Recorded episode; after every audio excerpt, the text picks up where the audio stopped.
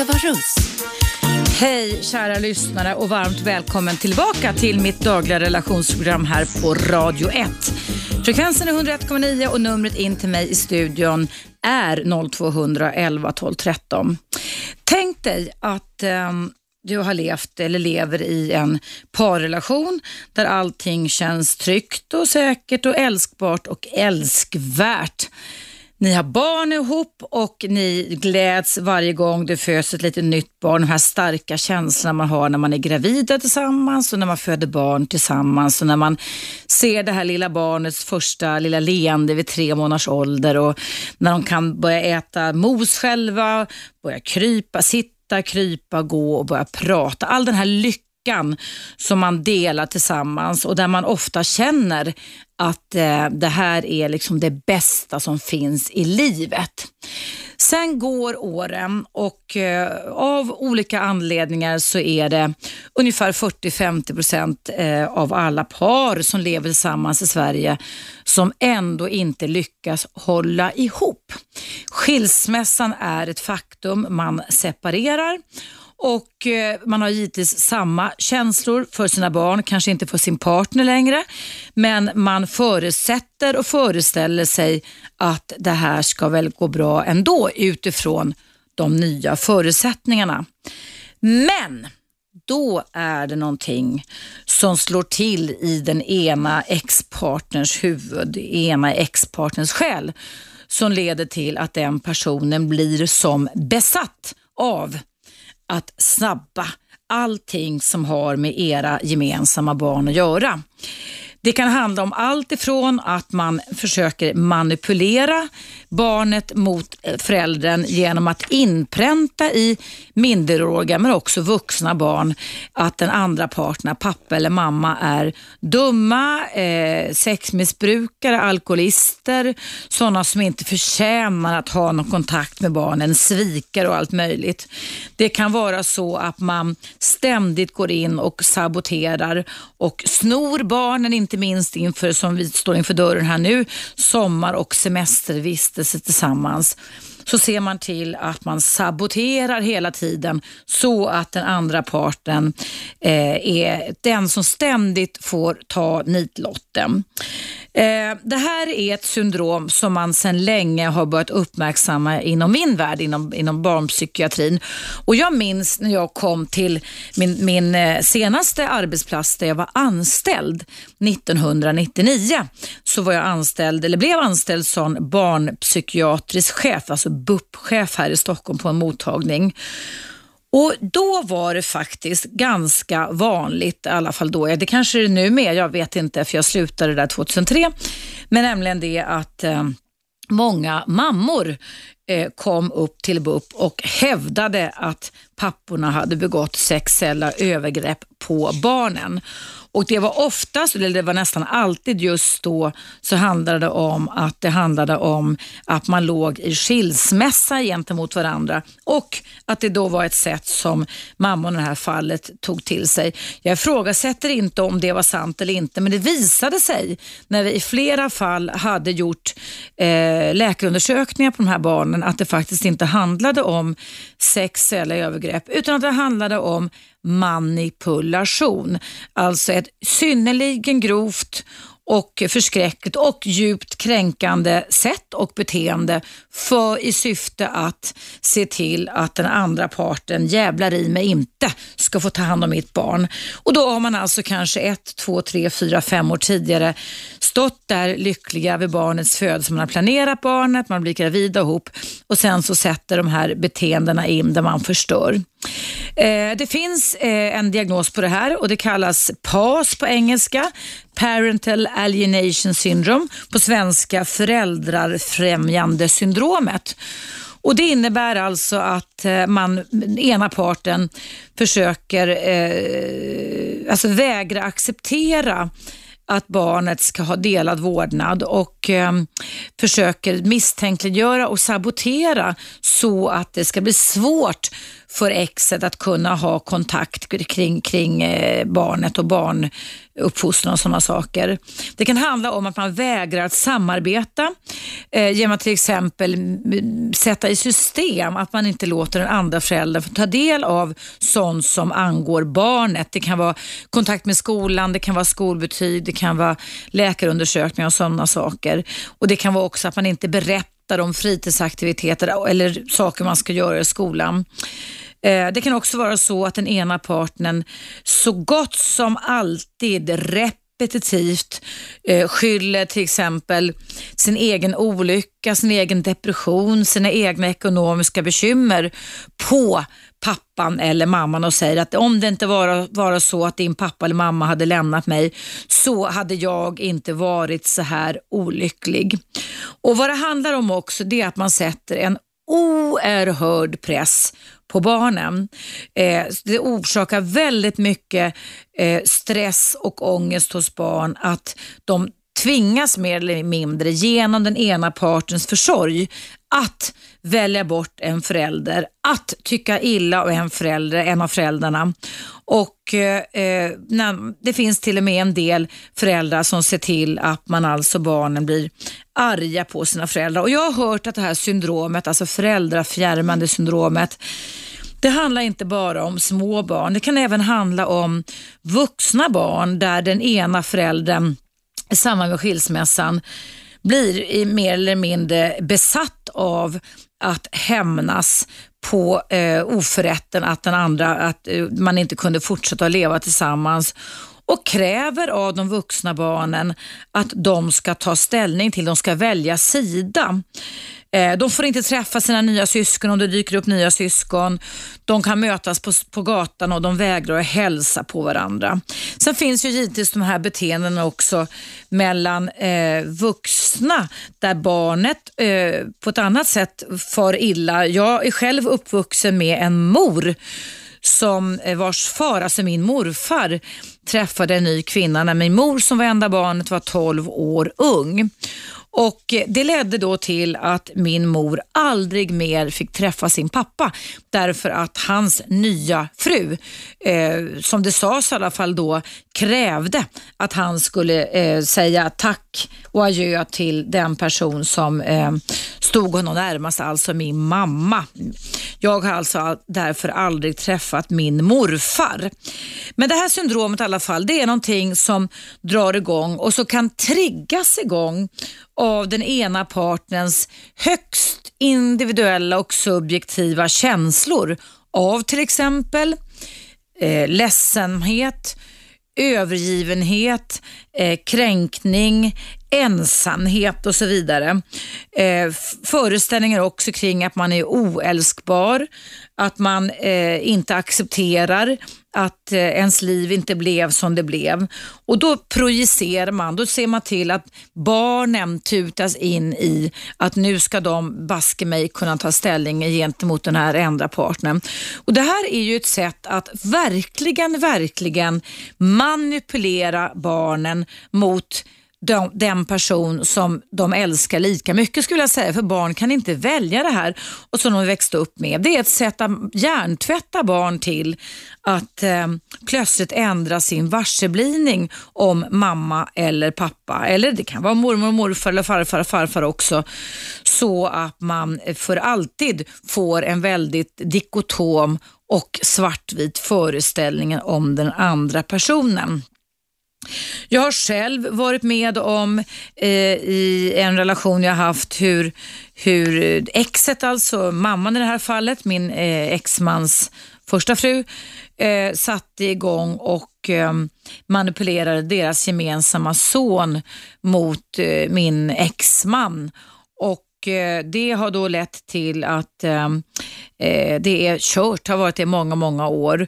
Eh, de ingick en pakt, verkar det som, mamman med sonen och har säkert tutat i det här barnet, som nu är en vuxen man, all typ av jävligheter som de har hittat på som den här exmannen har Eh, han och jag är, umgås vi är mormor och morfar till vårt gemensamma dotters dotter och vår dotters barn.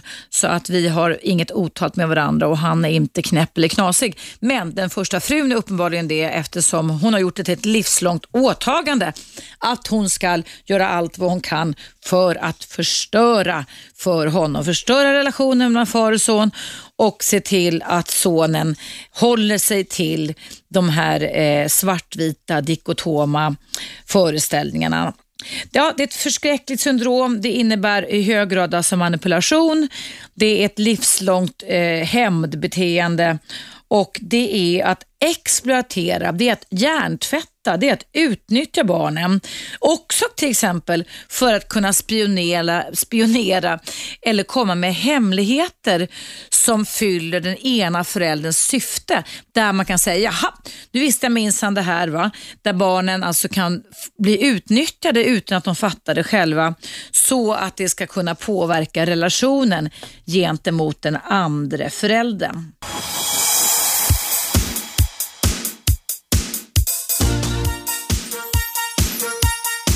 Radio 1. Eva Russ. Välkommen tillbaka. Idag i mitt relationsprogram pratar jag om beteenden som dessvärre är ganska vanliga i samband med skilsmässor. Där den ena parten, det kan vara en kvinna eller man, sätter som livsmål att göra förpesta tillvaron gentemot den andra personen genom att använda barnen. Man snor barnen, man manipulerar barnen, man eh, beter sig som om den andra parten som har eh, velat separera eller skilja sig ska aldrig få vara lycklig och ska för evigt dömas till ett livslångt lidande.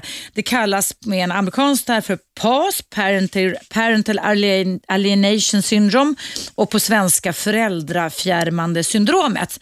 Det finns givetvis olika styrkor av detta. Jag har Martin på tråden. Hej Martin! Hej hej!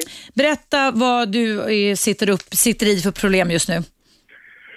Ja, jag sitter med det som du pratar om just där att eh, vi separerade med eh, min eh, dotters mamma för 14 år sedan. Mm. Och eh, hon är idag 20 år, min dotter. Eh, vår relation har aldrig varit så dålig och så svår och eh, besvärlig som den är nu.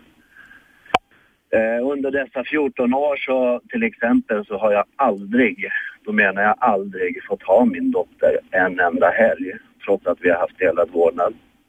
Vad har mamman gjort då? Vad har hon använt i, sitt, i sin manipulation och sitt ilska mot dig? Vad har hon gjort för någonting för att hindra? Och lyckats ja, uppenbarligen också. Det är väldigt svårt att eh, peka på vad de gör när de gör detta. Nu eh, i programmet för sakens skull så säger ni då eh, mammor och pappor men detta är ju faktiskt allmänt känt att det är vanligast bland mammor eller mödrar om jag får eh, uttrycka mig mm, så. Mm, mm. Eh, det finns säkert sådana pappor också men som sagt eh, jag är hemsk, jag är farlig, jag är dålig, jag, eh, ja, jag är om hon har bra kontakt med mig så kommer det liksom leda till det ena eller det andra för henne och så vidare. Men nu ser vi alltså ett enormt eh, tragiskt resultat av hennes beteende där min eh, dotter har eh, går på terapi och eh, eh, det allt är mitt fel dock. Eh, så är det ju. Mm. Allt är mitt fel. Jag har aldrig, aldrig eh, ja, gjort någonting Nej. överhuvudtaget. Nej. Eh, henne. Men ehm, till exempel samhället. Jag, försökte undvika eh, hela tiden att eh, ta kontakt med någon som helst, till exempel då socialtjänst. För jag vet att det kan bli väldigt tråkigt i slutändan. Och vid ett tillfälle så kände jag att jag måste för min dotters skull och då fick jag ju faktiskt hela samhället emot mig också. Hur då? Berätta Martin, vad hände då? Ja, jag tog kontakt med socialtjänsten i, i, den, i det området där de bor och eh, sa, framförde att jag, jag var orolig och, eh, för mitt barn. Och, och det här med att eh, min dotter, det är inte det att jag har rätt till min dotter men min dotter skulle ha rätt till mig eller båda föräldrar. Självklart. Men så var det inte utan de gick bak bara bakom ryggen på mig vid mötet vi hade där utan de gick bakom ryggen på min dotter också och eh, ringde till eh, mamman och förklarade då eh, vad jag tyckte och så vidare, att hon fick förhandsinformation. Och hon satt och anklagade mig för det ena och det andra där på mötet. Eh, sen så, ja, jag förstod att jag hade sprungit in i en vägg där och Mm. försvann, försvann ur det. Jag tog mig ur det, så att säga. Eh, senare år så har det förekommit till exempel tre operationer då hon inte ens är myndig. Mm. Och eh, då, då sjukhus, läkare och det har accepterat att hon eh, har sagt att ja, men det är godkänt liksom. Och så har man gjort ingrepp som är livslånga och eh, allvarliga. Eh, och jag har aldrig vetat om att eh, de operationerna har så skett. Senast nu så tror jag för, för en vecka sedan har det skett en till. Vad är det för typ av operation? Kan du berätta det? Ja, vi pratar eh, skönhetsoperationer, eh, bröstoperationer. Eh, Bröstförstoringar på din dotter som är 20? Ja, då var hon ju inte ens det. Oj då. Hon var ju inte ens det då, utan hon var inte ens myndig. Nej.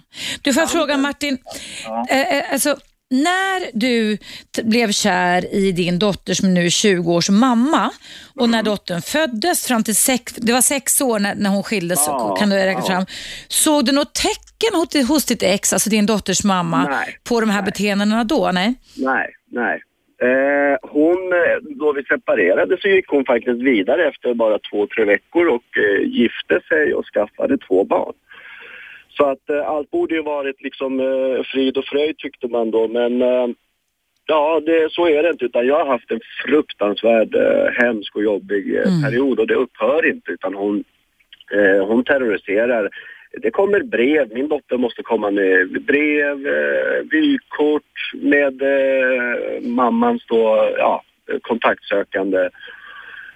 Så att så länge jag inte är bra med mamman så blir det inte bra med min eh, dotter. Och det här har varit i 14 år, det är ju alldeles 14 år. förskräckligt. Har du, alltså, men du sa att din dotter har under de här åren inte fått sova hos dig, men har du någon, nu är hon ju 20 år, har du någon kontakt med din dotter på tu man hand idag Martin? Ja, vi försöker men det går inte. Det är så inpräntat där att Mm. eh, allt är mitt fel och det går inte. Jag kan inte ens ta upp det. Va? Eh, bara det kommer på tal så då börjar det skrikas, gråtas och hon eh, drar igen dörren och tycker jag är dum i huvudet och går ungefär. Va? Mm. Hur överlever man det här då Martin? Det här måste ju vara oerhört, oerhört sorgset eh, och jobbigt att leva med. Det är ändå ett barn som under 14 år har blivit bortrövat ifrån dig kan man väl säga. Det är bortrövat och Mm. det kan ingen ge mig tillbaka. Ehm, det är någonting man får ta varje dag, en eh, stund, en stund varje dag får man ta. En eh, fruktansvärd smärta i magen och man får stänga av bara och hoppas på någon eh, annan kraft som ska upprätta detta till slut eh, på något sätt för, för att, så att man får någon slags upprättelse. Det kommer jag inte få förmodligen. Det, Mm. Livet är ju ingen film där i slutet allting är ställt till rätta. Nej. Eh, vad jag mår dåligt över är inte att jag har fått må dåligt eller att jag mår dåligt. Det är Mm. att mitt barn faktiskt är en trasig person idag. Mm. Mm. Eh, Hur har- har, hon le- levt med då, i och med att inte ditt ex träffade en annan man och fick två barn i rask följd, lever hon med den mannen idag eller? Ja visst gör de det. Eh, det gör de ju.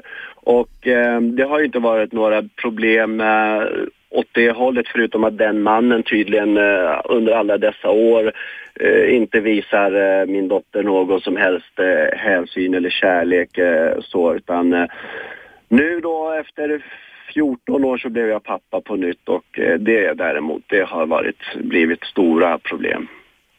Hur då? Ja, det, det ifrågasätts huruvida eh, jag har rätt känslor eller tar rätt hänsyn till min förstfödda så att säga eh, kontra eh, mina ett par månader gamla tjejer nu då därför jag har blivit med två Två. efter. Ja. Så Du, att, eh, du menar att din nuvarande sambo eller fru ifrågasätter, eller vem är det som ifrågasätter Martin? Ja, det är min förstfödda och eh, mamman där så att säga. Jag är inte den du lever med nu, nej, utan, Nej, utan nej, okej. nej, Så att nu lägger hon sig i ditt liv också och låter inte dig få vara lycklig menar du? Nej, nej, självklart inte. Men är du lycklig Martin med din lilla bebis och din nya partner? jättelycklig är jag. Jag är jättelycklig. Mm, men det smärtar härligt. givetvis. Det smärtar ju. Och Mm. eh, vi kämpar. Vi har kämpat nu i, i, i tio år för att försöka finnas till för eh, min dotter. Men Mm. Hon är ju så inpräntad och som du uttryckte det, hjärntvättad. Mm. Att, eh, att hon inte tar eh, oss eh, som, eh, som någon referens till Mm. eh, hur skevt hon har det i sitt eh, liv. Mm. Eh, Vad gör de nu då när, det, när du har fått ett nytt barn Martin? Ma- Din, ditt ex och din dotter, på vilket sätt går de på dig nu? Ja, det är konflikter eh, huruvida, eh, ja, det, vi, vi ska hela tiden prata om eh, när min förstfödda då var liten eller jäm, gammal och jämföra, om vi pratar om de små så då, då återkommer hon med fotografier från när hon var liten. eh, Din dotter mam- alltså, vux, vuxna dotter? Ja. precis. Hon, så hon kommer ju med mammans eh, budskap i en eller annan form. Mm. Det- Har, har, har, du, du har, har du någon gång funderat på, jag tänker eh, att gå i terapi tillsammans med din dotter, men det kanske inte är möjligt så länge som hon är styrd av sin mamma? Det Eller? finns inte, det finns inte Nej. utrymme för det. För Nej. att vi träffas så pass sällan. Mm. Eh, hon hon kommer att träffas när det är någonting då viktigt så att säga. Mm. Födelsedagar eller någonting. En liten, liten stund. Vi pratar två, tre timmar. Ja. Eh, och sen så måste hon eh, försvinna. Under den tiden så är det ju sms-kontakt Mm. hela, hela tiden med mamman. Va? Mm. Ehm, och sen så måste hon springa iväg så att säga. Vi har inrett rum eh, åt henne eh, för att då eh, visa att hon har en plats bland oss Mm. och att hon ingår i vår familj. Och det har funnits där hela tiden men hon har aldrig använt eller nyttjat det på något sätt. Du, hur tror, tro, tror du, jag tänkte fråga Martin, vi måste nämligen ta en liten paus nu för nyheter. Mm. Kan du tänka dig att stanna kvar några minuter till så vi kan avsluta samtalet? Eller? Ja men det kan jag göra. Jätte, så kan du ta någonting att dricka så länge, det tar tre minuter ungefär. det går så bra. Du, du, du, du, ring, du, lägg inte på bara, okej? Nej då. Då hörs vi alldeles strax igen. Tusen tack. Ja. ja, kära lyssnare, du lyssnar på mig, Eva Russ. Idag pratar jag om föräldrar som fjärmar barnen ifrån eh, exet när skilsmässan är ett faktum och hjärntvättar och manipulerar och helt enkelt snor barnen ifrån det vardagliga eller delade umgänget. Eh, jag pratar med Martin, jag kommer fortsätta med Martin efter pausen. Men nu är det dags för nyhet här på Radio 1 och vill du höra vad Martin och jag fortsätter prata om så stanna kvar.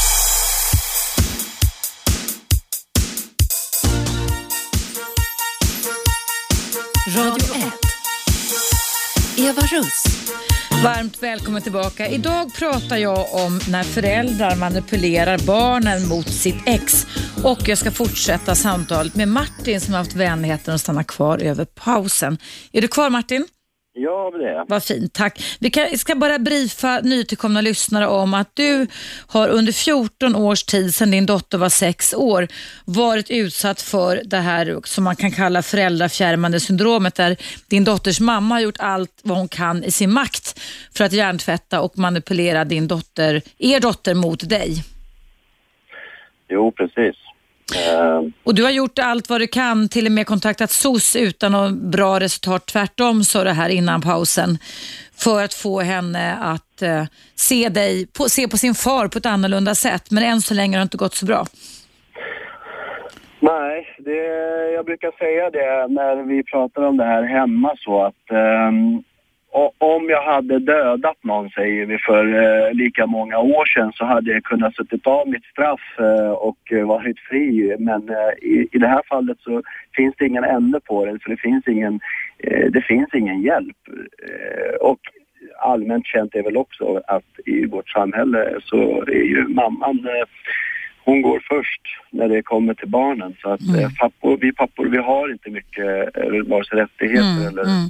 Jag har ju varit engagerad, jag vet inte om du känner till det Martin, i en förening som heter Pappa Barn-föreningen. Jo, jag har hört talas om de mesta eh, av... Ja, och jag kan säga det att jag har hållit föredrag där några år i rad och det är det mest sorgliga, dystra, eh, ställe jag någonsin varit på eftersom det låg så extremt mycket sorg hos de pappor som då har gått ihop i en grupp och, och försöker stötta varandra när de då har eh, blivit eh, utsedda som hatobjekt av sina ex. Vilket, så, och som, där exen då sätter igång och förstöra och förgöra all möjlig och nåbar kontakt mellan pappa och barn. Det är förskräckligt, så sorgligt. Men hur har du överlevt det här Martin? Berätta. Vad har du gjort för att kunna klara av den här förskräckliga livslånga lidandet som det innebär att inte få ha kontakt och se sitt barn växa upp så som du har all rätt till att få uppleva, eller hur? Jo, nej men man, eh, man överlever egentligen inte. Det finns ju en del i en som eh, rent ut sagt är dött. För jag har ju eh, ett barn som jag inte kan nå, jag, får inte, jag kan inte finnas till för Fast hon vet egentligen att eh, jag är en eh, väldigt bra pappa, har varit det. Jag har bara inte fått finnas till så att eh, det har hon ju då kunnat använda emot mig när det är hon som faktiskt har varit orsaken till det. Va? Mm. Eh, man, det finns ju så att man kan liksom, ja jag vet inte, kräva sin rätt då till det här varannan helg och så vidare. Men vill inte mamma så är den dörren stängd den också. Och den enda möjligheten då, det, det skulle vara att jag kommer dit med eh, ja, polis för att hämta mitt barn. Ja, det blir extremt traumatiskt. Det, det, det, ja, och, då, och då har du avstått ifrån? föräldrar som skulle Nej. till det knepet. Men någonstans så säger samhället att det, det, är den möjligheten eller rättigheten du har och sen så vet vi alla hur traumatiskt det skulle vara. Mm. Så att, eh, men du Martin, vad, vad, tror du det var som for i ditt ex huvud? Var det du som lämnade henne eller var det hon som, för hon gifte ju om sig ganska raskt efter att ni hade separerat? Det var, det var ju jag, alltså det, också ytterligare en tragik i detta är ju så här att eh, jag var väl inte, då barnet blev till, min dotter blev till så var väl inte jag med på det utan det blev så, jag varit världens lyckligaste pappa då. Mm eh, mådde inte bra med mamman men stannade kvar också ytterligare sex år för barnets skull. Mm. Så, att eh, sex år stannade jag för länge i en dålig, fruktansvärt dålig relation och sen så 14 år på det. Så att det här är en, det här är alltså det här borde hon kunna få fängelse för och, och eh, och lite till. Men så, så, så ser det ut och jag är inte ensam, det, det vet jag. Mm. Men du, var det du som valde att lämna ditt ex eller var det, hur gick, gick skilsmässan ja, till? Jag, jag tog det ansvaret att gå trots, uh, ja, jag, jag, jag fick ju min vä världens uh, omställning där, där, där uh, liksom det hela social, sociala kontaktnät och allting faller samman. Du får, du får, det är som en, ja, en vargflock och du blir utstött eller, och sen så får du finna dig. Men, men tror du att den här, sån här livslånga hämnden, om man säger så, ifrån ditt ex, din dotters mamma, beror på att du lämnade henne? Att det var det som triggade igång henne? Ja, det, det, det, tror jag det är det faktiskt. För att som du sa där att hon, hon hittade en ny man ganska snabbt, två till tre veckor och han flyttade även in då eh, i vår gemensamma lägenhet. Eh, så det var liksom ingen sorgeperiod direkt kan man Nej, säga Martin? Nej, hon tog inte itu med det. Hon, mm. hon, hon, hon, har aldrig gjort klart, eh, bearbetat eh, situationen eller sina känslor, vilket jag hade tid att göra. Jag, mm. jag fick gå längst ner i djupet och sen så ställa mig upp igen och eh, ta mig tillbaka. Ehm, men som sagt, det upphör inte. Det är det som är det, det, det mest hemska, det är att det inte upphör. Har du, men du, du sa, såg du, avslutningsvis Martin, såg du några under de här åren, du sa att du egentligen inte hade planerat den här dottern som du är ändå glad för, även fast det är en livslång sorg givetvis att det har blivit på det här sättet. Men vad hade mamman ett knepigt känslomässigt sätt under de här första sex åren? Kunde, man, kunde man nu med, med backspegeln alltså kunna se att jo, det fanns varningstecken eller? Nej, nej, nej, nej. Allt var så fantastiskt bra. Det, det, det är de uttrycken eh, jag bör använda där. Det var så otroligt, otroligt bra och eh, vi var så överens om vårt barns eh, framtid och vi sa ofta oavsett vi är eller inte så ska det se ut så här och så mm. här och så här. Och, och idag så är mitt barn ett vrak. Mm. Och jag ser, jag ser ju ytterligare kanske 10, 15, 20, kanske livslång kamp för min dotter och, eh, som hon behöver ta sig igenom. Och jag ser ingen ände utan den enda möjligheten är att hon får eh, kopplas bort från sin mamma för att kunna ta itu med... Ja, exakt. Det, det, det, är lite som hjärntvätt, att man måste lämna den här miljön, alltså försvinna bort för att kunna eh, tona in, eh, bli av med de här påverkan som har funnits och hitta nya sätt och nya tankar och nya egna uppfattningar. För det här är ju så, när man föräldern manipulerar barnet så har ju barnet faktiskt ingen egen uppfattning. De har inte fått Nej. chans till detta va? Min dotter eh, har till exempel hittills inte mig veterligen haft en eh, pojkvän. Nej. Eh, hon är 20 år, ja. Ja, vacker eh, tjej. Hon har inga vänner.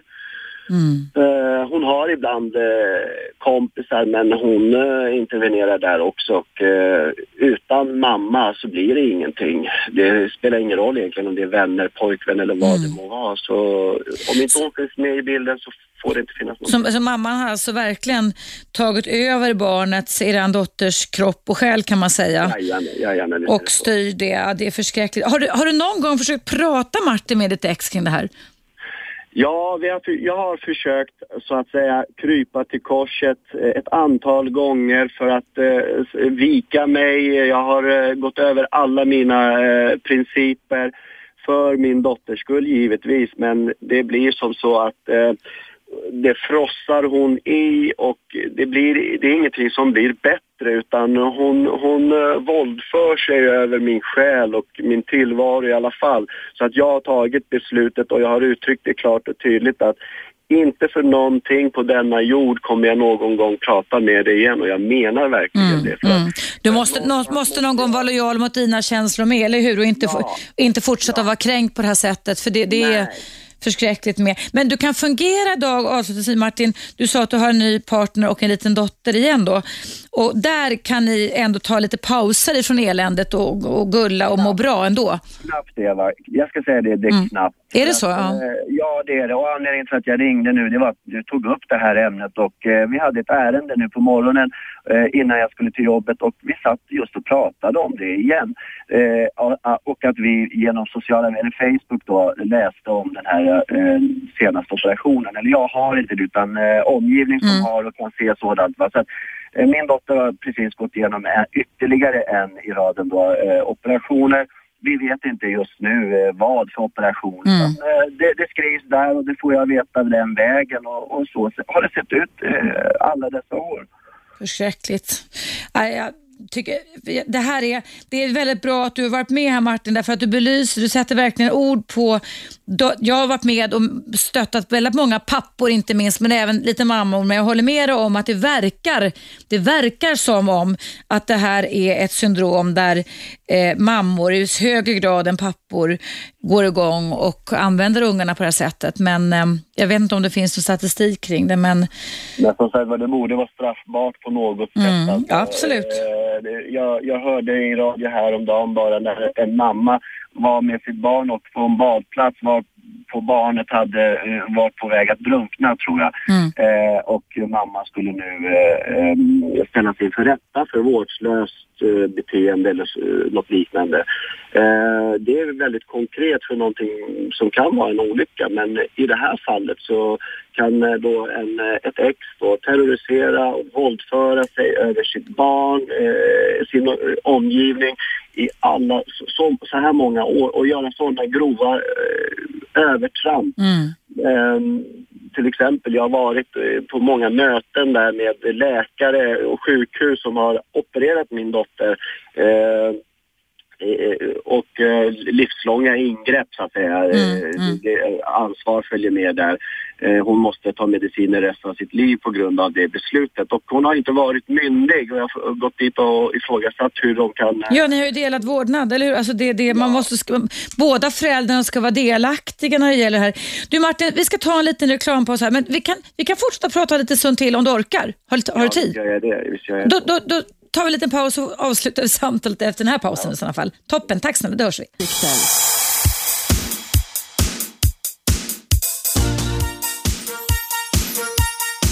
Radio 1. Eva Russ. Ja, hej och varmt välkommen tillbaka till mitt relationsprogram. Dagens ämne handlar alltså om föräldrar som fjärmar sina barn ifrån sin pappa eller sin mamma. Eh, man manipulerar, man snor barnet, man gör allt vad man kan och dömer därmed egentligen faktiskt både barnet och den förälder som man eh, eh snor barnet ifrån till ett livslångt lidande. Jag har fortfarande Martin på tråden. Hallå Martin! Ja. Du har varit generös nog att vara kvar här och berättat om vilket helvete kan man säga som du har varit med om i 14 år sen du eh, lämnade då eh, och trodde att allting var frid och fröjd, ditt ex, när er dotter var sex år gammal. Ja. Du berättar nu att du har fått en, har en ny partner och en liten dotter men att det här ligger över det. Det här lägger alltså sordin på dina lyckokänslor kan man säga som förälder. Eh, det här med, med dottern som du inte får relatera till och där det händer en massa saker bakom ring och gjort hela tiden där ingen tar ditt parti. Ja, visst är det så. Eh, som du säger där, att jag har svårt idag också att få uttrycka mig klart och öppet och visa min glädje över att åter vara, eh, få, få bli berikad med eh, en dotter och som nu har blivit två dessutom. Eh, då, då det, ja det, särskilt som min eh, förstfödda dotter då eh, kanske är med så blir det väldigt svårt för att då, då får jag inte visa att jag är så glad för att jag är det så då blir det, uppstår det problem och eh, när hon har gått hem så kommer det sms och liknande. Vad står det ett sms då Martin, från din vuxna dotter? Ja, det, det är sms som är väldigt långa och väldigt tydliga och mycket, mycket, mycket eh, psykologiskt, eh, ja, det, de, de, de är hemska. Men som ett exempel, kan du inte bara berätta något typ? Alltså det behöver inte vara exakt ja, ordagrant tänker Martin, men... Efter cirka tre veckor från min eh, dotter föddes så kom det ett sms efter att min dotter hade åkt hem där eh, hon var mycket ledsen, hon var knäckt och krossad över att eh, hade, jag hade visat så tydligt hur mycket jag älskar mitt nya barn. Mm, mm. Eh, och att, och att de visste, man visste, vi visste givetvis att det skulle bli så här men att det skulle komma så tidigt. Okej, okay, så... Tydligt. Och då, då, då svarade jag ungefär som att ja, jag visste förstås att detta också skulle komma men åt, jag använder samma ord. Att det skulle komma så här tidigt, det förvånar mig för barnet är ju bara tre veckor. Jag vill minnas att det var cirka tre veckor. Ja. Hur kan det vara redan nu på tapeten? Va? Mm. Vad har detta barn för skull i, i detta? Mm. Så snälla, låt mig vara, kontakta mig inte. Jag fortsätter det så så måste jag göra en polisanmälan ungefär, fick jag uttrycka mig. För att det går för långt alltså att när man eh, på ett helt nyfött barn också börjar, man blandar in det. Men var det din, ditt ex eller var det din vuxna dotter som skickade den här typen av sms ja, till dig? det kommer ju från här, min dotters mobil men jag mm. kan ju min dotters språk och hennes mm. mammas språk. Så att eh, ja. det är mamma som eh, belönar dottern och tar över ja, telefonen. Det är hela tiden ett, det är ett belöningssystem det här. Mm. Eh, man, man, lever ett liv som är helt overkligt och som jag nämnde där, alltså hon är 20 år och har redan mm. nu, jag vet inte om det är tre eller fyra operationer. Va? Men det är skönhetsoperationer du säger? Bland, bland annat ja. Eh, ja, precis. Eh, mm. För eh, ja. Vet du, vad, vet, vet, vet du vad jag fick för idé Martin just nu? Eh, jag, jag bara fick en sån här idé att om du möjligtvis skulle ändra strategi gentemot din, din, din dotter då, som, om hon nu då har mamman som sitter och skickar smsen också och bara vara, du kanske har provat det här men jag vill bara vä väcka tankarna ja. om det är okej okay hos dig. Alltså, ja. och, ba, och bara skriva så här, alltså Eh, vi hittar på att din dotter heter Marielle. Jag vet inte varför jag fick det namnet. Ja. Hittar på det, din 20-åriga dotter. Ja. Och bara skriva så här, oavsett alltså vilka oförskämda sms och kränkande, bara skriva mm. så här. Marielle, jag är din pappa. Jag älskar dig jättemycket och jag älskar dig lika mycket som min nyfödda dotter. Punkt slut. Eh, eh, jag älskar dig, kom ihåg det. Alltså bara köra med det så att de inte får någon fest. Kan du tänka dig att prova det? Jag har ju det. Har du gjort det? Att inte gå igång, att inte gå in och försvara dig, förstår du? Alltså... Jag inte har uh, tömt uh, no någon bana eller linje som jag inte har försökt och uttömt och utrönat. Det, det, det är fruktansvärt hopplöst. Mm. Ingenting i mitt liv. Jag har varit med om en hel del saker. Det finns ingenting som jag kan jämföra med detta. Mm. Alltså att bli bestulen din, din, ditt biologiska barn. Nej, nej. Eh, Det, det är inte bara barnet utan eh, det, det är så stort, det är så mycket och man mår så dåligt varje dag. Och, du, och sen så när du tittar och försöker se framåt så ser du bara att men herregud, detta kommer inte ta slut. Det här, det här är inte över förrän det är över. Va? Mm.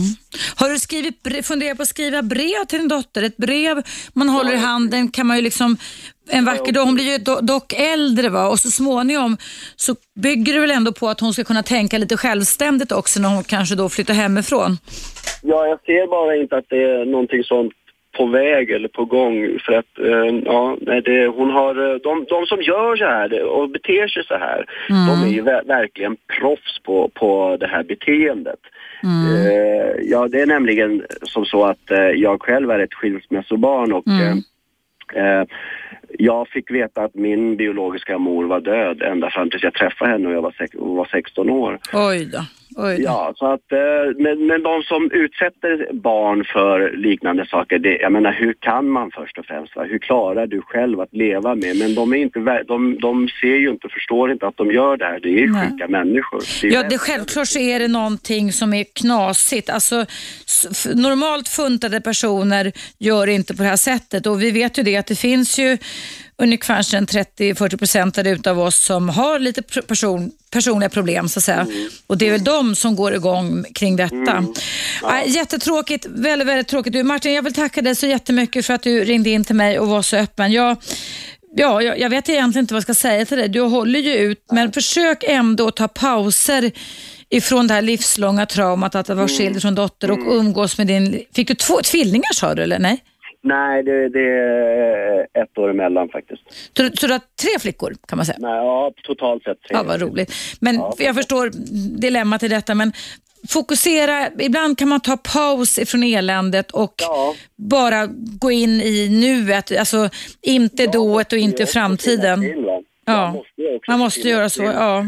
Då, då även, alltså, eh, om min förstfödda behöver mig längre fram så måste jag ändå ha tagit de här pauserna för att kunna klara Annars orkar man inte. Nej, annars orkar man inte. Nej. Sen så har jag två små till och jag har en, eh, en eh, eh, sambo som jag behöver finnas till och, och, och framförallt för mig själv som Mm. Ja, sagt ja. Man får göra som du säger där, försöka ta pauser och tro på, på förändring på något sätt Ja. någonstans. Ja, ja. Jag tycker det är ett jätte, jätte, jätteviktigt ämne som ni tar upp här. Fortsätt med det. Det ska vi göra. Och tack för att du var med så länge Martin. Tusen tack. Jag önskar dig en bra sommar. Tack. Hej då. Hej.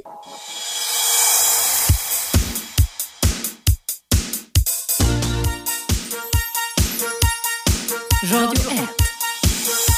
Eva Russ. Ja, välkommen tillbaka. Dagens ämne handlar alltså om föräldrar som sätter som en slags livsregel att fjärma det, det biologiska barnet bort ifrån den ena föräldern. Man hjärntvättar, terroriserar, snor, manipulerar och gör allt vad man kan för att eh, tuta i det eh, gemensamma barnet att föräldern som barnet då har avlats av, fötts tillsammans med, växt upp med är fin håle. Jag hade ett långt samtal med Martin här alldeles innan, eller för det första timmen här och eh, han har varit fjärmad från sin dotter i 14 års tid eh, och säger att eh, det är ett livslångt lidande det här att man som förälder inte får tillgång till sitt barn vare sig fysiskt eller känslomässigt. Nu ska jag koppla in Meratab, är du där? Ja, absolut. Hej, välkommen till mitt program. Tack så mycket. Vad vill du säga? Eh, jag blir bara berörd att det har hänt sådana som ni beskriver till min kompis. Mm. Och eh, de gifte sig, de har haft ett bra liv, de köpte hus och eh, när de fick barn efter tre månader och det har hänt väldigt konstigt. Då kidnappade hon, det här är min tolkning om man säger Mm. Ja, ja. Mm. barnet till he, där hon bodde med sin mamma. Mm. Är är det Sverige eller ett annat land? Eller är det... Det är i Sverige. det är Sverige? Mm. Och så det har gått processen nästan ett och ett halvt år tills att, eh, att tingsrätten, om han ska ha mm, vård, vad heter den, vård... Eh, Gemensam vårdnad eller Gemensam vård, vårdnadsutredning. Ja. men under dessa tiden han har blivit diskriminerad på alla myndigheters tjänster. Pappan ja. Mm. Pappan. Har han fått träffa sitt barn? Alltså var barnet bara bebis då när mamman drog iväg? Ja, det var nästan eh, två månader, tre månader. Så att, har pappan sett, kunnat relatera till sitt nyfödda barn det här året?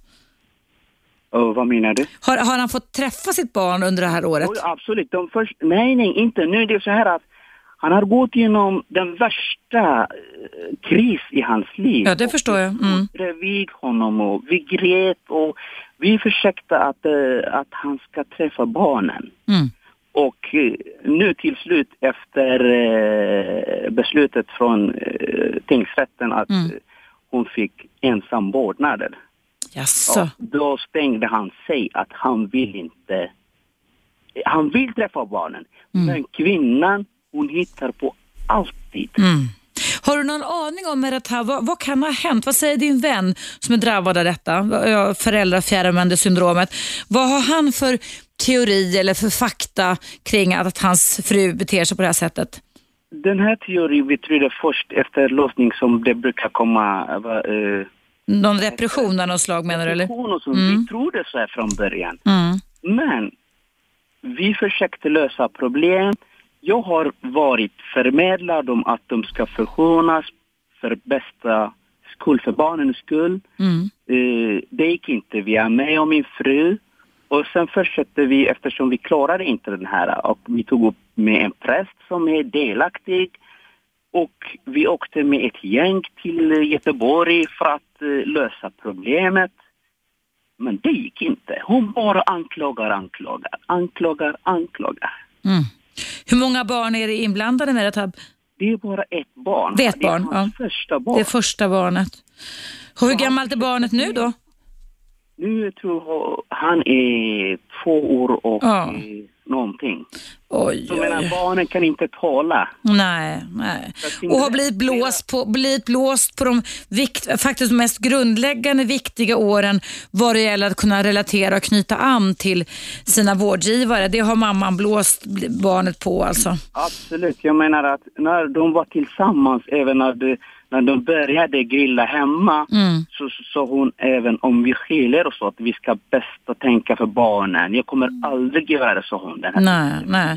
Och det är ingenting, om du ursäktar jag ställer frågan med det här, men jag bara tänker, det är inte så att din kompis har varit dum på något sätt mot, din, din, eh, mot den här frun han hade? Eller? Nej. Absolut, absolut. Nej, Jag känner nej. min kompis väl. Och till och med den här, de har levt nästan i åtta år. Hon har anklagat honom för med, vad heter det, psykisk eh, behandling. Så att, han, att han har varit, psykiskt eh, Ja, kränkande mot henne? Ja. kränkt. eh, Men det finns ingen bevis. Mm. Det finns ingen bevis. Jag menar, vi så, jag såg när vi träffas, vi hade bra relation och alltid det var perfekt. Mm. Jag kan svära, alla som känner de här paret, när, när de ser dem, att vilka par var de? Mm. Perfekta. Men sen plötsligt när det händer, de trodde inte alla. De trodde inte alla, va? Har de skilt sig? Vad är det som har hänt? Mm. Men, men eh, och det gäller inte din vän Meratab vill jag säga, men jag måste säga lite emot dig där att tyvärr är det faktiskt så i många, par, många parrelationer som är dysfunktionella att skenet bedrar. Att många människor är övertygade om att man lever ett bra relationsliv. Vi hade ingen aning och sen sker, förstår du, eh, det dysfunktionella i skymundan. Jag säger inte att det gäller din vän, men jag vill bara säga det att många människor både kvinnor som blir misshandlade och män som säger vi har ingen aning om detta, vi har känt om åratal. Det är bara, jag vill flika in det med det här. Alltså, Absolut, Mm. absolut. Jag menar som par, det finns alltid det här, man grälar, man bråkar, Ja, det ja. alltid ingår. Det gick också i deras Ja. förhållande. Så det, jag menar, när det är så imperfekta så, eh, jag menar att de bråkar som vi bråkar hemma. Så det, Mm. det, men man såg inte något speciellt. men du, hur länge har du känt din väns exfru nu då? Hur många år har du känt henne? Nästan i åtta år. Så det var via, via inte via mig. Det var när, när de kom till Stockholm från eh, Västergötland var det Ja. till festen. Där de träffades. Och så de har varit nästan i åtta år fast de bodde i olika städer när de pluggade. Okej, ja. Men du, har du gjort några försök att prata med henne själv? Så att säga, tagit... Det har vi försökt, eh, jag och min fru, för att lösa problemet. Men hon bara anklagar, anklagar som vi inte visste och som Vad säger, vad säger hon som ett exempel då, Meratab, att din vän har gjort? typ den här psykisk, eh, att, han, att han, har trämpat henne, att han såg henne som, eh, det var han hade så mycket makt. Eh, det var det var sådana som jag kan komma på eftersom Mm. det har gått ett, ett, ett halvt år och jag kommer inte ihåg detaljerat. Nej, nej, nej, jag förstår. Men jag bara tänkte ungefär liksom, vad, vad det kan vara för någonting. Men, men eh, ja, nej, alltså, och hur mår din vän nu då som har blivit Nu- nu- av, av med, med umgänget, höll jag på att säga nästan, men vårdnaden av sitt barn, lilla pojke på två år? Ah, ah, Den värsta var det att han har börjat träffa i Västergötland i, och de beslutade Socialstyrelsen eftersom han har inte träffat sitt barn så att eh, via en kontaktperson från eh, kommunen. SOS, eller kommunen. eh, Mm. Från SOS, så att, att han började träffa honom. Mm. Han åkte från Stockholm till eh, nära Göteborg Ja. eh, flera gånger. Och sen eh, han trodde att han skulle få, eh, vi trodde att han skulle få delad vårdnad. ja. Men tingsrätten eh, dömde att eh, nej. Eh, hon har Kan, kan han inte överklaga det då? Eh, det tror inte han, han vill lägga av för att eh, han har försökt på alla möjliga saker. mm. Och hur mår, men kan, men kan han relatera och träffa sitt barn på något sätt nu då? Eller har han lagt ner det, de försöken Sen också? Sen eh, högsta domstol, tingsrätten har beslutat så han vill lägga ner. Vad kan jag göra? För att han har ingen makt. Nej. Han kan inte påverka. Varje gång när, när han träffade började eh, eh, eh, hans son, hon anklagar. Hon vill inte prata. Hon bara sms. Han har försökt att möta på alla möjliga saker för att barnens bästa skull. Barnen pratar inte. Han har aldrig träffat sin, sin, sin far. Mm. Eh, Den värsta också, han har gått igenom krisen. Han har till och med försökt göra självmord. Mm. Jag tänkte nästan fråga det för att det är en del personer och det ska vi lyssnarna verkligen höra. Kan, alltså, det är en del, en viktig och stor del i livet för de, för de flesta människor att bli förälder och vara känslomässigt nära sitt barn. Och blir man bestulen på sitt barn på det här sättet som jag pratar idag om, om föräldrafjärmande syndromet, så finns det en del personer som både försöker men också lyckas ta livet av sig. Jag känner faktiskt till det egenskap av så expert. Att, men Mm. tack gud, gud nu han mår bra. Men innersta, Mm. nu han har träffat en tjej, han har bra liv. Men han har inte träffat sin. Ja, det är en livslång, precis som Martin som du hörde, eh, det är ett livslångt lidande man blir dömd till på det här sättet. Ja, men vad, vad är det han kan göra? Eller vad, vad är det, för att nu, även om um, han, kan inte ringa till henne. Hon vill inte... Prata med honom. Nej. Ja, hon vill inte... eh. Men, men, men, men han kan träffa sonen med, med någon slags eh, kontaktperson med? Nej, de har slutat med. Sen han började träffa eh, själv. Ja. Tills de tar beslutet. Fast, fast även om mamman har vårdnaden så har han ju umgängesrätt. Jo, han har rätt. Men nu, för att varje gång han träffar det blir klagan.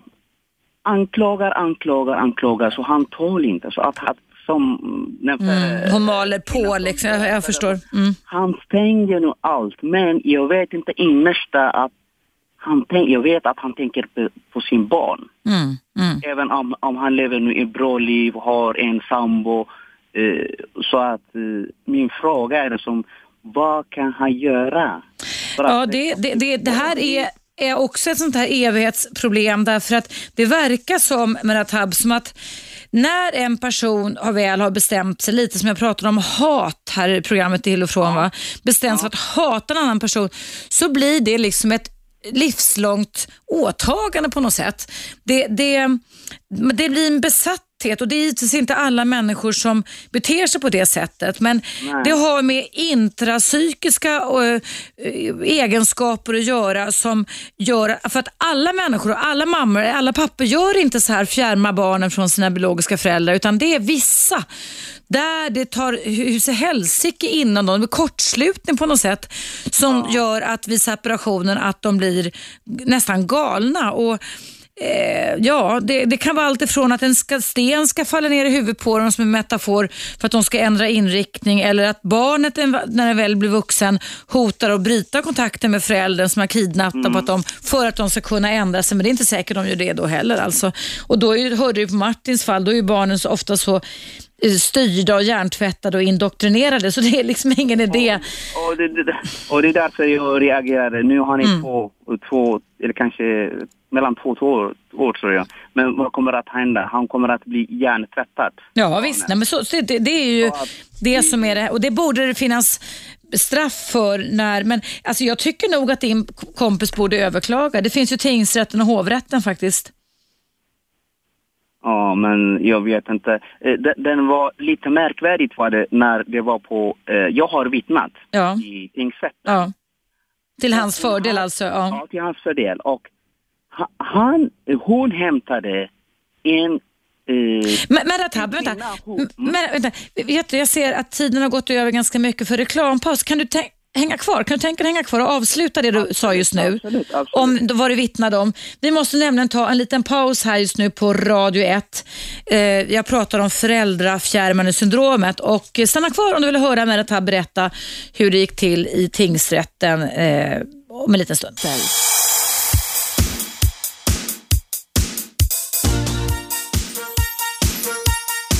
Radio 1. Eva Russ. Välkomna tillbaka. Idag i mitt direktsända relationsprogram så pratar jag om föräldrar som fjärmar barnen ifrån den andra biologiska föräldern och, gör, och skapar ett livslångt lidande eh, för barnet och för den föräldern som i de allra flesta fallen är oskyldigt dömd till livslångt lidande. Och Merrat, här blir du kvar? Ja, absolut. Jättefin. Jag ska bara berätta för nytillkomna lyssnare att du ringer in därför att du har en vän som har blivit drabbad av det här. Där frun drog med bebisen som nu är en liten pojke på två, två och ett halvt. Och eh, han har nästan velat ta livet av sig pappan för han har nu också blivit av med vårdnaden enligt beslut i tingsrätten. Du var inne på det innan pausen här. Vad var det som den här mamman sa? Som, de hade alltså varit ett par i åtta år då innan det hände någonting i mammans psyke. Som vi tror i alla fall. Eh, en gång till, vad sa du? Vad, vad, var det, vad var det mamman sa i tingsrätten? Och, alltså, vad, vad var det som utspelade sig där för scenario? I, i, I tingsrätten så att eh, hon har eh, ja, den här psykisk misshandel, så nu jag kom på, på den här psykisk misshandel, eh, till och med eh, han slog mig när jag var gravid och han spottade på mig i ansiktet. Mm. Det här, men, men det finns ingen bevis.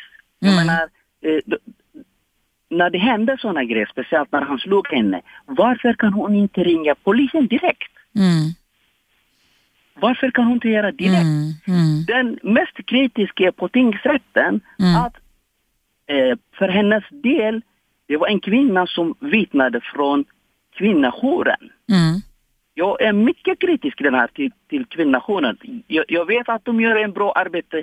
Varför kan hon vittna efter hon har flytt eh, från Stockholm till Mm. västkusten? De har träffat henne. Så att hon har då, din väns för detta fru har använt sig av kvinnojouren, alltså känt sig hotad då eller? Ja, det, det är sådana grejer. Men det här var efter hon har flyttat från Stockholm. Mm. Varför har hon, jag menar, jättekritisk till tingsrätten. Jag menar, han träffade mig, han hade problem, men de ska vittna efter vad hon känner, vad hon upplever. Mm. Mm. Efter de har skilt sig. Mm. Det, är, det, är ju, det är ju jätteknepigt med det är ju jätteknepigt. Men du, det är, ja, alltså, umgås du med din kompis avslutningsvis idag någonting eller, eller du och din fru eller? Jo, jo, mycket vi umgås nu. nu vi, vi umgås jättemycket. Ja, ja. Kan han se framåt på något sätt? Vad sa du? Om, Kan han se framåt på något sätt? Absolut, nu han mår, min eh, bara oro är att han har stängt av. Mm. Mm. Att inte eh, gå vidare och träffa sin barn på grund av den här, allt vad som har hänt. Ja. Men han har någonting innersta. Det är klart att det blir det när man är tvungen att stänga av Och sorgen och vad är det- smärtan. Mm. som vad är det som kan hjälpa honom? För att han måste träffa på något sätt Mm. barnen. Mm. Och barnen eh, kan inte prata. Han, har, eh, det, han, det, han pratade istället för han. Han pratade för barnens skull, min kompis. Ja, jag, jag förstår. Jag förstår. Ja, det, är det är förskräckligt. Det här är, det här är eftersom hur länge som helst, det kan inte gå på något sätt. Man måste få något eh, hjälp eller råd från dig. Vad är det han kan göra? Ja, Jag, tyck, jag, jag tycker att vad han kan göra det är dels att utnyttja sin umgängesrätt med den här lilla pojken och inte stänga av öronen, alltså inte ta in och inte gå igång på och reagera på eller be- bemöta den här mammans anklagelser och ilska. Så han ska inte tappa taget med sin lilla son tycker jag, det är jätteviktigt. Och sen tyck, ja. Problemet nu, det finns ingen som är kontaktpersonen. Han har, hon har varit bara tills att, att pappan Ja, känner. men då har han rätt att åka dit egentligen och träffa sitt barn. Men problemet hon kan inte kommunicera. Hon kan, han, kan, han kan inte ringa, så det är via sms och, Ja, ja, och ja. blir anklagad. Så han blir rädd till och med att när vill han träffa henne? Han måste vara två personer för att det kan han ankla, bli anklagad. Ja, han måste ha någon som är bevis att, det inte, att det, det som händer inte händer.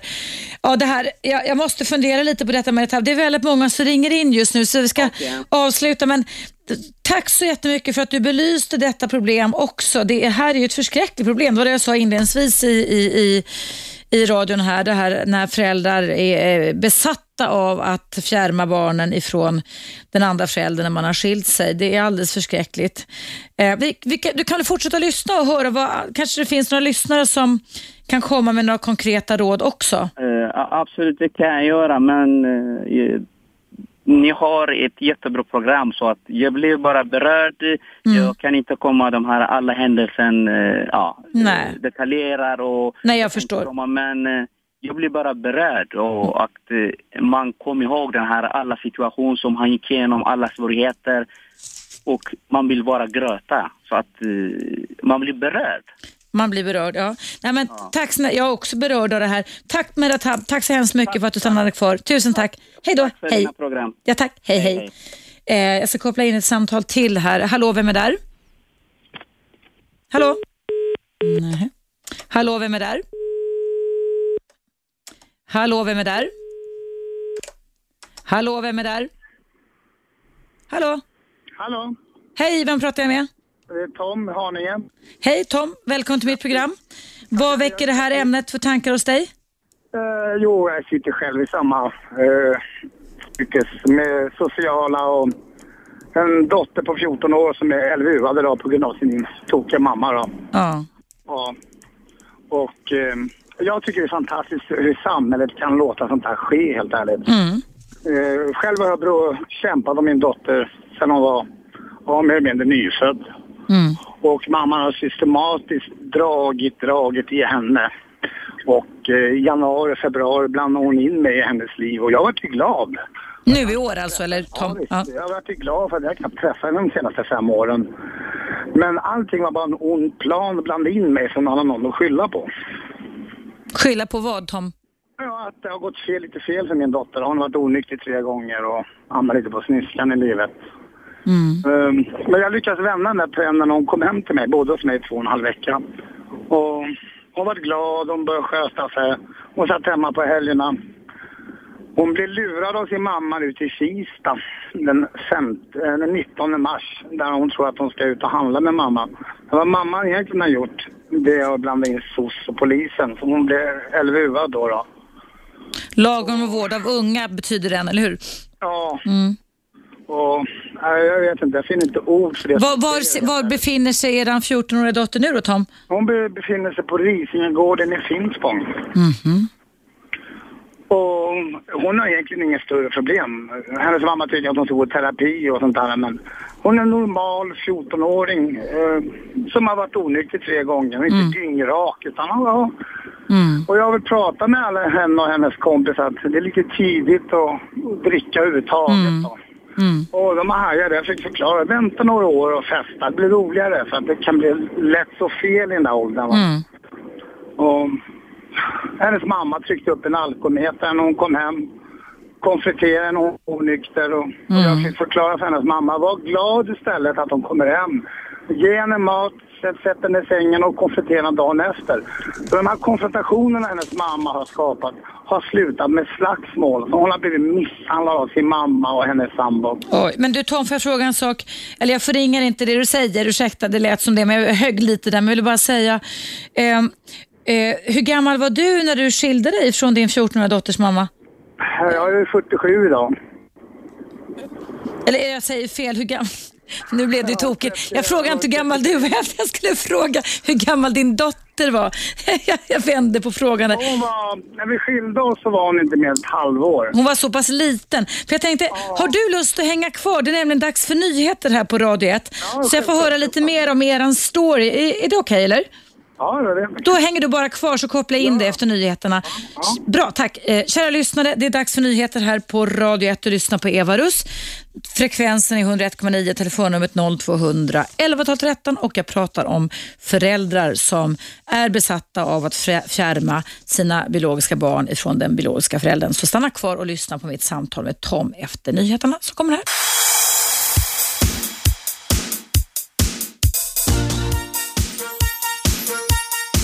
Radio 1.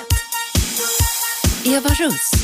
Ja, god förmiddag och varmt välkommen tillbaka till mitt dagliga relationsprogram som går i direktsändning. Men vill du inte och har du inte hunnit lyssna på hela programmet idag som handlar om föräldrar som fjärmar barnen ifrån den andra biologiska föräldern så går det alldeles utmärkt att när som helst ladda ner och lyssna på en app. Du kan gå in på webben och du kan också lyssna på Radio 1 Play. Men det här programmet går också vardagar i repris klockan 22.00. Jag ska fortsätta prata med Tom som har väntat. Hallå Tom! Tjena. Hej! Ja, som sagt, eh, du har en 14-årig dotter som var knappt ett år gammal när, du, när ni skildes åt, eller separerade du din, din, hennes Ja. mamma? Ja. Det stämmer bra det. Hur har eran relation, alltså du och din dotters relation då varit fram tills nu, tills hon är 14 år nu? Ja, det gick väl... eh, Det har väl gått systematiskt och har det trappats ner och det har ju varit meningen med hela sidan från mammans sida att bromsa vårt umgänge och det har blivit mindre och mindre och för fem år sedan så träffade jag en yngre kvinna och dessutom hon svart och eh, eh, då försvann umgänget helt mer eller mindre. Du blev bestraffad för du träffade en ny relation alltså? Ja, Mm. och eh, 2011 har jag träffat henne tre gånger totalt. Mm. 2010 kanske två gånger. Och, och jag Men, men, innan, men innan dess Tom, alltså när, innan din flicka var nio år och du träffade en ny kvinna, hur såg umgänget ut då, mellan dig och din dotter? Vi trappade sig ner systematiskt. Det vart mindre och mindre och mindre. Vad, gjo- vad gjorde mamman konkret? Kan du ge ett exempel till lyssnarna på specifika manövrer eller beteenden hon höll på med? Ja, jag har ju inte fått veta allting. Nu har min dotter börjat prata och berättat massor. Då. Eh, och hon, hon, hon talar om för mig att mamma har alltså... Hon har ju förtalat mig under alla åren till dottern och jag förstår inte hur mamma tänker så. För att om hon är ute för att göra illa mig så gör hon barnet mer illa än den biologiska föräldern. Absolut. Barnet går ju omkring och tror att har en pappa så dålig eller en mamma så dålig. Alltså det, är ju- det ju- väcker bara massor med ångest hos barnen. Mm. Och det gör mig så... ja, Jag vet inte riktigt hur jag ska förklara för jag har aldrig varit med om den här situationen förut eftersom jag har bara ett barn. Mm. Och Vad har, hon gjort mer, vad har hon gjort mer mamman? Eftersom vi pratar om föräldrar fjärmar syndromet PAS. Vad har hon gjort mer? Bland annat så har jag alltid efterlyst en vänskaplig kontakt mellan oss för, för barnets skull och för Mm. vår dotters skull. Men eh, det är som när jag hade, jag var sjukskriven en period när hon var runt ett år och jag var opererad knäna och då var jag hemma mycket och då tyckte jag att hon kan vara hemma hos pappa. Och, men då var hon rädd för att bli av med underhållsbidraget om hon bodde hos mycket, för mycket hos mig. Mm. Och, och även när jag sa så här, kom in och låt den här övergången bli mjuk. Och jag, jag vet inte än idag vad jag gjort hennes mamma så ont att det har gått ut över våran dotter då. Eh, Men eh, hon kunde alltså slita med sig ungen, ta kläderna och dra ut den ur dörren och in i hissen. Och ungen skrek och gapade och grät och höll kvar i pappas ben och skrev grät och pappa, pappa, pappa. Och alltså, jag kan inte beskriva med ord hur frustrationen och maktlösheten har påverkat mig under alla åren. Fruktansvärt. Jag, jag kan förstå Tom, för jag har som sagt mött pappor, en del mammor, men faktiskt mest pappor som är drabbade av detta. Eh, och även den här pappa och barnföreningen. Det är det mest sorgliga, eh, nedstämda tillställningen jag någonsin har varit på. Och som du hörde när jag pratade med Marat- Mer- att det, det är jätteknepigt att komma på det här. Det är först kanske om utifall att barnen, när de blir stora, börjar tänka självständigt eller uppmuntras till det eller kanske träffar en partner som säger, ja, men är, är du säker på att det verkligen var på det sättet som det kan ske en förändring, eller hur? Ja, eh, jag försökte för 12 år sedan att- få eh, vårdnad om henne. Men det var som att pissa i full storm. Det, det, var inte, det hade inte en chans som pappa. Och eh, idag så har jag blivit anklagad för incest, sexuella övergrepp, misshandel och ena och andra. Och det jag tycker är mest fantas- fantastiskt i det här samhället, det är att sociala myndigheter är så trångsynta att de bara kan lyssna på ena sidan och döma allting efter en sida. Ja. Det är ingen som har frågat mig, det är ingen som har varit över och tittat hur jag bor eller hur jag jobbar eller ingenting. De har bara gått efter mammans utsaga och hennes falska påstående och lögner och ena andra. Bara för att måla fan på väggen som mig som pappa då. då. Och jag älskar barn och jag skulle aldrig kunna göra ett barn illa. Nej. Dessutom så har jag jobbat skola, fritidsgårdar med unga liksom. Och, och ungar älskar mig. Jag vet inte, jag brukar säga att barn och hundar de talar med hjärtat och det är därför jag älskar dem så mycket. Va? Ja. Som vuxna de använder hjärnan när de säger någonting. Ja, ja. Det, det, jag, jag googlade lite här när jag förberedde mig Tom till programmet och nu är det här i och för sig tio år gamla fakta kring det här parental alienation syndrome, alltså PAS som vi pratade om. Och där säger forskarna det att, att eh, sexuella övergrepp från ena föräldern till på ett barn efter skilsmässan är väldigt, väldigt ovanligt.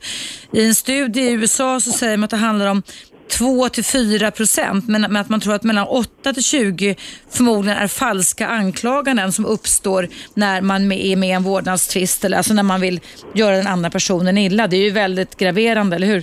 Ja, Så vet inte jag tror ju färska siffror, men ändå som trend om man säger så. Och Det var det jag sa inledningsvis i mitt program idag, att jag har varit chef för en barnpsykiatrisk mottagning i Stockholm i fyra år. Och jag sa till min personal där att vi måste vara jätteförsiktiga att inte bara dimpa ner i och ta med automatik, till, som det oftast var på den tiden, mammans parti. När hon under en vårdnadstvist kommer upp och säger att titta här och barnet är rött kring könsorganen och så vidare och det, det är tecken på det här. De har pratat om snopp och allt sånt där. Sen finns det sanningar i många, många case. Men faktiskt så var jag ganska tveksam till flera stycken av de ärenden vi fick. Om det inte just handlade om att man ska manipulera och så. Men det, det är ju farligt. Man, ska, man får ju inte generalisera och vi får inte generalisera för mycket heller. Men du Tom, hur ska du göra nu då avslutningsvis? Nu sitter din dotter, hon är tagen med din, din, din exfru, exsambo, alltså mamman till 14-åriga dottern har gjort en LVU-anmälan och det är rätt till att er dotter sitter på ett ställe, vad sa du, Småland eller vad sa du? Väst? Ja, Risingegården, finns på Vad är, vad är målet med den vistelsen för 14-åringen då? Har ju, hon tycker att hon ska behöva behandling. Och det enda jag brukar säga, vad, vad tonåringar behöver, det är antingen en eller två föräldrar som finns där. som fångar upp dem när de ramlar omkull kan hjälpa dem upp. Ja. Och visa dem rätta vägen i livet eller tala om för dem vad de ska göra och inte göra. Ja. Eh, I det här fallet så kan jag bara säga att den enda som behöver terapi, så är det mamman. För att hur man kan göra som mamma, bara för att man inte kan kontrollera eller behärskas eller om man har något kontrollbehov av något slag, så sätter man unga hellre på LVU. Mm. Har, du, har du tänkt och få, får du åka dit och prata med din dotter? Nej, jag är ju då nu farlig för min dotter, så jag har ingen umgängesrätt, jag har umgängesförbud, jag får inte ringa eller det ena eller andra. Vi var uppe här i förvaltningsrätten för några veckor sedan, och ja, det nästan en månad sedan. Och det var ingen dom om min, eller rättegång om min dotter, det var en rättegång om mig. I den här socialutredningen som de har gjort i Täby. Där finns det sju och en halv sida om lögner och påståenden och ena och andra om mig varför jag inte ska vara pappa. I själva socialutredningen finns det en, en kvarts spalt om mamman varför hon inte ska vara förälder. Och då har hon misshandlat min dotter fler än tre gånger. Kastat ut henne från huset, kallat henne för slampa och hora. Och fortfarande så får hon vara mamma. Vi lämnade in, vi var uppe på tingsrätten sådana här förberedelsesamtal. Ja. Och vi lämnade in, jag och min advokat John, vi lämnade in tre luntor med bevismaterial varför mamman inte ska behöva vara mamma. Ja. Det var som en bakut. Hon fick en månad. Ja, det, det, här- det här kan vi fortsätta prata om för det här är upprörande i väldigt, väldigt många fall. Du Tom, ja, ja, jag, jag tackar dig så jättemycket för att du var med och berättade din story här i programmet. Ja, jag vet inte vad jag, vad jag ska vända mig. Jag lyssnar Nej. på dig varje dag och jag tycker du är ett jättebra program både för alla sorts människor med alla sorts problem. Och jag skulle vilja efterlysa vad man nu kan vända sig för att jag tycker så synd om barnen. Jag som vuxen, jag kan ju tackla det här på något sätt. Visserligen eh, hamnar man väl lite i depression på grund av det här men Det kan man göra i och för sig. barnet, hon ringer till mig. Hon tjuvringer ju då. Hon får inte, jag får inte ringa ner, hon får egentligen inte ringa till mig. Och jag sitter i förvaltningsrätt och så säger de, jag, jag har blivit påstått att jag hjärntvättar min dotter nu. Hur jag nu skulle ha fått tid och utrymme till det då. Men så sitter de på förvaltningsrättens förvaltningsrätten oss och så frågar han mig. Ja, vi har ju fått till kännedom att du pratar med din dotter ofta. Ja, då säger jag till hela rätten. Vad tycker ni att jag ska göra när min dotter tjuvringer till mig, gråter och är upprörd och vill komma hem till pappa? Tycker ni alla här inne att jag ska lägga på luren då? Då blir det tvärtyst i rätten. Väldigt, du kämpar på bra. Jag tycker det är bra. Nu är du med i radion också så det här sprids också Tom, eller hur? Alltså, hon, ja. hon grät här när hon fick ensam vårdnad och pappa du får inte ge upp. Nej, jag tänker Nej, inte ge upp. nej. Ge inte upp. Ge inte upp Nej, Tom. nej, nej, jag ger inte upp en sekund. Din dotter behöver dig och hon- och du behöver henne. Jag vet att jag är bra pappa och ungarna Ja. älskar mig. Så att, nej, jag, jag är så arg och frustrerad och kan förstå alla andra farsor där ute som lider av samma problem. Ja. Ja, Jag vill bara berätta min, min historia. Då vet vi det. Tusen tack för att du ringde in Tom. Jag hoppas att Tack, ja. vi kanske hörs en gång till. Det vet man aldrig. Tusen tack. aldrig. Hej då. Tack. Hej, hej. Tack.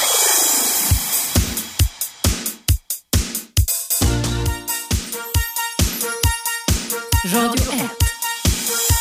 Eva Russ. Välkomna tillbaka. I dagens program pratar jag och har pratat om föräldrar som gör allt vad de kan för att fjärma sina barn ifrån den andra föräldern. Jag ska alldeles strax prata med Tina, men jag ska läsa upp ett meddelande från Mikael Karlsson som kom in via Facebook. Det står så här. Dessvärre är det inte alls ovanligt även om de flesta skilda föräldrar inte alls beter sig på detta grymma, hänsynslösa sätt. Av egen erfarenhet vet jag mer än väl att det ofta handlar om mycket egoistiska, narcissistiska föräldrar som bara tänker på sig själva, aldrig på sina egna barns bästa. Hallå Tina! Hej. Berätta vad du och din sambo eller man har varit med om i många år. Är det 12 år eländet ja, det är 12 har... år och det Mm. började då direkt från början när då hans före detta lämnade henne och ja, det var väl lite fram och tillbaka sådär mellan dem tills jag kom in i hans liv och då ja, vart det helslut mellan dem. Och där då så brann det väl i hennes huvud för sen den dagen så har hon hållit på och jävlats med oss med hennes son, med mig, med, eh, ja det har varit massor, det har varit polisanmälningar och misshandel och... Vad har hon gjort för någonting konkret? Pojken var 8 år, är 20 nu Ja. sa du. Ja, så det är 12 års helvete för er del. Vad har mamman gjort då för att, för att liksom... Eh, ja du, hon har eh, åkt till jobbet, låst in han i, hans, i sin lägenhet så han inte kom ut. Sonen alltså? Ja. Ja, ja, och sen har hon då ringt och trakasserat hemifrån. Hon har skickat eh, två killkompisar till mig som har hotat mig flera tillfällen. Hon har eh, pratat bakom ryggen med då min före detta, eller med hennes före detta släkt och vänner så att hans föräldrar och syskon är väl inte heller så direkt i vårt liv längre heller.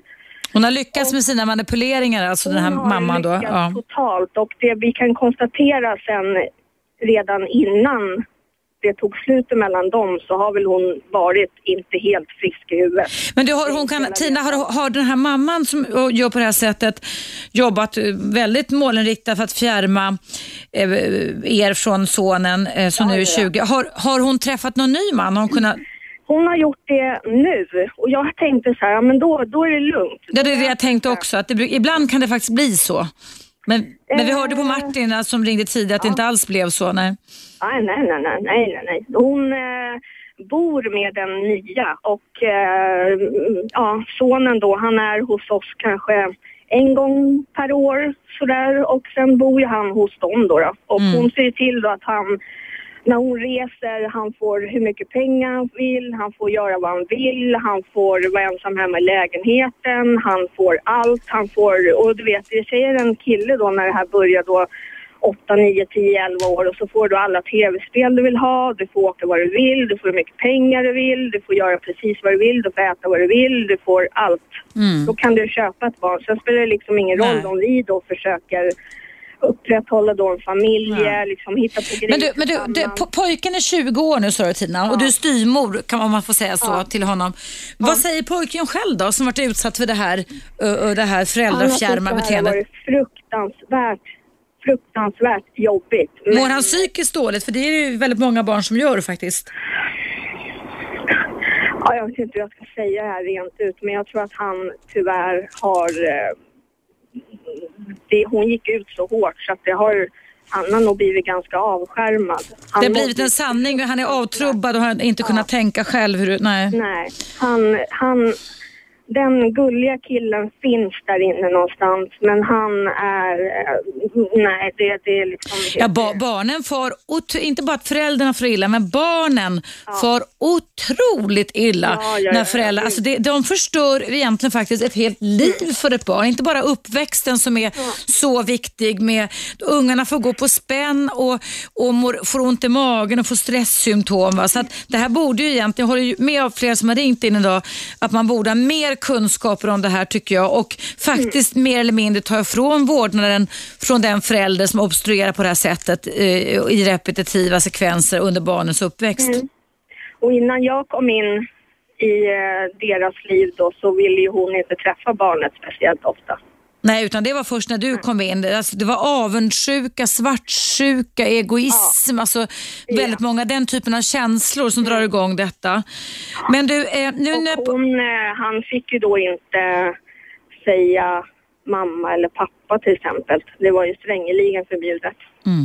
Det Ja, kom ju in i hans liv när jag kom in med mina barn i hans liv. Då Mm. var det liksom att nej men kom igen nu. Mm. Och när hon hörde det, för han säger ju pappa nu då hela tiden. Mm. Men eh, mamma märker man, nu, nu är han så pass gammal, men mamma märker man att då när han var oftare då hos henne och sen hos oss, då hade han, man märkte på honom att han fick ställa om lite när han kom mm, till oss. Att mm. det var liksom, då kunde han säga pappa igen. Och, Vet du, eh, en, en, sak, en sak jag ska säga nu, för det börjar rin- rinna mot sitt slut men jag tänker nu, så länge jag är kvar där i alla fall, och till alla er som har lyssnat idag, att när ungarna är alltså myndiga och, och kan börja agera lite mer självständigt, börja inte med att berätta din version, utan börja med att relatera till och liksom i handling visa vem du är, vad du är intresserad av, vad du tycker om, vilka värderingar du har. För det är det bästa sättet för att barnet, det vuxna barnet, ska kunna fatta egna beslut. Alltså de får utforska en annan del av föräldern än den förälder som de genom föräldrafjärmarbeteendet har blivit tvingade och hjärntvättade till att se och bara se och bortse ifrån sen, de vi goda sidorna. hela tiden att aldrig prata illa om henne. Mm. Även om man ibland har lust att Självklart.